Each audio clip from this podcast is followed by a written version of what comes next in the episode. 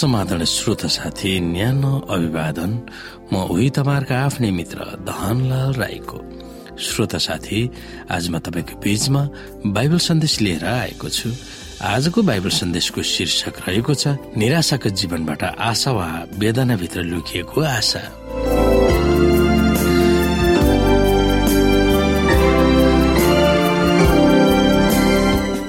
श्रोता यसी भक्त हुँ भन्नेमा उहाँलाई विश्वास गर्नेहरूले वेदना नैराश्यता सन्ताप पीडा कष्ट र समस्याको सामना गर्नु बाध्य हुँदैन भन्ने झुटो आश्वासन बाइबलले कदापि दिएको छैन। यसको ज्वलन्त उदाहरण प्रभु आफै हुनुहुन्छ। त्यसकारण यसुलाई विश्वास गरे सबै ठिक हुन्छ भन्ने लोकप्रिय इसाईहरूले सिकाएका प्रचारबाजीमा कोही पनि फस्न बुद्धिमानी देखिँदैन। यसुलाई विश्वास गर्ने र उहाँमाथि भरोसा राख्ने हामी सबैले कतिपय समयमा ती अनुभवहरूमा पौडी खेल्न पुगेका हुन्छौँ र ती समयमा हामी यो चितकार त गर्छौँ नि यस्तो कुरो मलाई नै किन भयो? श्रोता भजन सङ्ग्रहका लेखकहरू कुनै वीरहरू नभएर हामी जस्तै मानिसहरू थिए। र हामीले भोगेका वा भोग्नु परेका विकराल परिस्थितिहरू तिनीहरूले पनि भोग्न बाध्य भएका थिए भनेर तिनीहरूले नै व्यक्त गरेका भावनाहरूले प्रकट गर्दछन्। निसन्देह कतिपय समयमा हाम्रै पाप र अधर्मको कारण अनेकौं नराम्रो परिस्थिति भोग्दछौ। तर अरू समयहरूमा हामीले भोग्नु परेका कठिनाई र समस्याहरू अनुचित भएको हामी देख्छौँ। त्यस्ता समस्याहरू भोग्नु नै हामीमाथि अन्याय भएको महसुस गर्दछौ। यस्तो परिस्थिति कसले भएका होला? हामी भजन सङ्ग्रह तेह्र अध्यायलाई हेर्न सक्छौ। यसमा के दुई मुख्य मिजाज वा मुडहरू तिर्स्याइएका छन् जुन तपाईँले फरक पाउनुहुन्छ? भजनको लेखकले साधारण दृष्टिकोणमा मौलिक परिवर्तन कसरी भयो होला भनेर तपाईँले महसुस गर्न सक्नुहुन्छ। श्रोत साथी हामी भजन संग्रहको पुस्तक तेह्र अध्यायलाई हेऱ्यौँ भने कहिलेसम्म हे परमप्रभु के तपाईँ सधैँभरि मलाई बिर्सनुहुन्छ? तपाईँले आफ्नो मुहार मसँग कहिलेसम्म लुकाउनुहुन्छ? मेरो आत्माबाट कहिलेसम्म मैले चिन्ता बोक्ने? अनि दिनहुँ मेरो हृदयमा सुख राख्ने। कहिलेसम्म मेरा शत्रु म प्रबल भइरहने? म माथि निगाह गर्नुहोस् र मलाई जवाफ दिनुहोस्। हे मेरा परमप्रभु मेरा परमेश्वर मेरा आँखालाई ज्योति दिनुहोस्। नत्र त म मृत्युको निन्द्रामा पर्नेछु नत्र त मेरो शत्रुले भन्नेछ त्यसमाथि मैले विजय पाएको छु।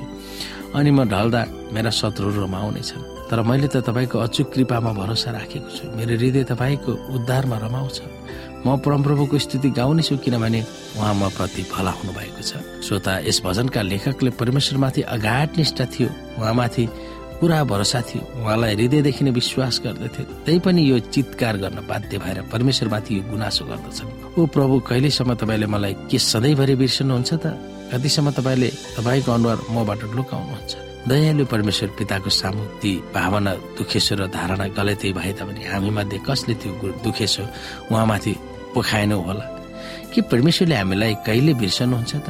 फेरि अर्को गलत थोक धारणाको फन्दामा नपर्न भजन सङ्ग्रह तेह्रले औल्याउँछ त्यो हो जब हामी प्रार्थना गर्छौँ तब हाम्रो दृष्टि वा फोकस हामीमा र हाम्रा समस्याहरूमा राख्नु। यदि यो भजनलाई आत्मसात गर्न सक्यौँ भने हाम्रो जीवनलाई परिवर्तन गर्न सक्छ। परमेश्वरले उहाँका भजनहरूसँग परमेश्वरले उहाँका जनहरूसँग गर्नुहुने कारोबारमा उहाँको विश्वास र स्वभाव परिवर्तन भएको हुँदैन भन्ने प्रतिबद्धता वा यस भजनले हामी सामु प्रस्तुत गर्दछ। हो विलाप दुखेसो वा गुनासो प्रकट गरेर यो भजन सुरु गर्दछ। फेरि अर्को गलत थोक धारणाको फन्दामा नपर्न भजन तेह्रले औल्याउँदछ त्यो हो जब हामी प्रार्थना गर्छौँ तब हाम्रो दृष्टि वा फोकस हामीमा र हाम्रो समस्याहरूमा राख्नु। यदि यो भजनलाई आत्मसात गर्न सक्यौँ भने हाम्रो जीवनलाई परिवर्तन गर्न सक्छ। परमेश्वरले उहाँका जनहरूसँग गर्नुहुने कारोबारमा उहाँको विश्वास र स्वभाव परिवर्तन भएको हुँदैन भन्ने प्रतिबद्धता यस भजनले हाम्रो सामु प्रस्तुत गर्दछ। हो विलाप दुखेको वा गुनासो प्रकट गरेर यो भजन सुरु गर्दछ तर यस भजनको निर्णायक लक्ष्य नै केवल त्यो विलाप प्रकट गर्नु होइन। यो विलाप प्रकट गरेर भजन तेह्रको अन्त्य गरिएको छैन। परमेश्वरमाथि जान जानी वा कुनै शङ्का नै नगरी भरोसा राख्नुपर्छ भनेर भजन तेह्रले हामीलाई सिकाउँदछ। उहाँको उद्धार गर्ने शक्तिमा हामी भर पर्नै पर्दछ भनेर यसले औल्याउँदछ। त्यसको फलस्वरूप हाम्रा त्रास चिन्ता र सन्तापहरू बिस्तारै परमेश्वरले दिनुहुने मुक्ति वा उदाहरणीय काममा गाभिन सक्ने हुन्छौँ। अनि हामी विलापबाट प्रशंसाको अनुभवमा परिवर्तन हुन थाल्छौँ र निराशाबाट आशामा उक्लिँदै जान सक्छौँ। तर भजन तेह्रलाई केवल धार्मिक पाठ वा स्तोत्र भनेर अर्थहीन बनाएर मन्त्र जस्तै जप्दा त्यसको फाइदा कसैलाई पनि हुँदैन। मानिसलाई आधिकारिक तवरले परिवर्तन गर्ने यस भजनको लक्ष्यलाई यस विधि वा प्रक्रियाले पूरा गर्दैन। जब भजन संग्रहका भजनहरूलाई हामी प्रार्थनाको रूपमा प्रयोग गर्दछौँ तब पवित्र आत्माको सहायता माग्नु पर्दछ ताकि ती भजनहरूले माग गरेको अनुसार चल्ने उहाँले हामीलाई शक्ति सम्पन्न गराउन् भजनहरू परमेश्वरका वचन र गवाईहरू विश्वासी पाठक वृन्दहरूले तिनीहरूमा भएका सन्देशहरू पढ्ने वा सुन्ने मात्र नभएर त्यस अनुसार आफ्ना क्रियाकलाप चरित्र र स्वभावहरू परिवर्तन गर्न भजन सङ्ग्रहले अपेक्षा गर्दछ। भजन सङ्ग्रहमा भएका प्रतिज्ञाहरू परमेश्वरको अनुग्रहले विश्वासीहरूको जीवनमा चरितार्थ भएर देखाउन सकुन् भन्ने लक्ष्य राखी यस भजन सङ्ग्रह प्रस्तुत गरिएको छ। त्यसको अर्थ हो हामीले हाम्रो जीवन परमेश्वरको वचन अनुसारले निर्माण गर्न दिनु। उहाँको सदिच्छामा चल्न दिनु र यसोसँग एक हुन दिनु। परमेश्वरको इच्छालाई सिद्ध रूपमा उहाँका मानव अवतार लिनुभएको यसुले नै भजन सङ्ग्रहका भजनहरूलाई उतारेर आफ्ना प्रार्थनाहरूमा प्रयोग गर्नुभएको थियो। अन्तिम श्रोता तपाईँको दुःख कष्ट र परीक्षाहरूले गर्दा तपाईँ परमेश्वरको नजिक हुन कसरी आकर्षित हुनुहुनेछ? यदि तपाईँले सावधानी अप्नाउनु भएन भने तिनीहरूले तपाईँलाई परमेश्वरबाट टाढा पनि राख्न सक्छ। त्यसबाट तपाईँ कसरी जोगिन सक्नुहुन्छ? त्यो विषयमा तपाईँ सोच्न सक्नुहुन्छ।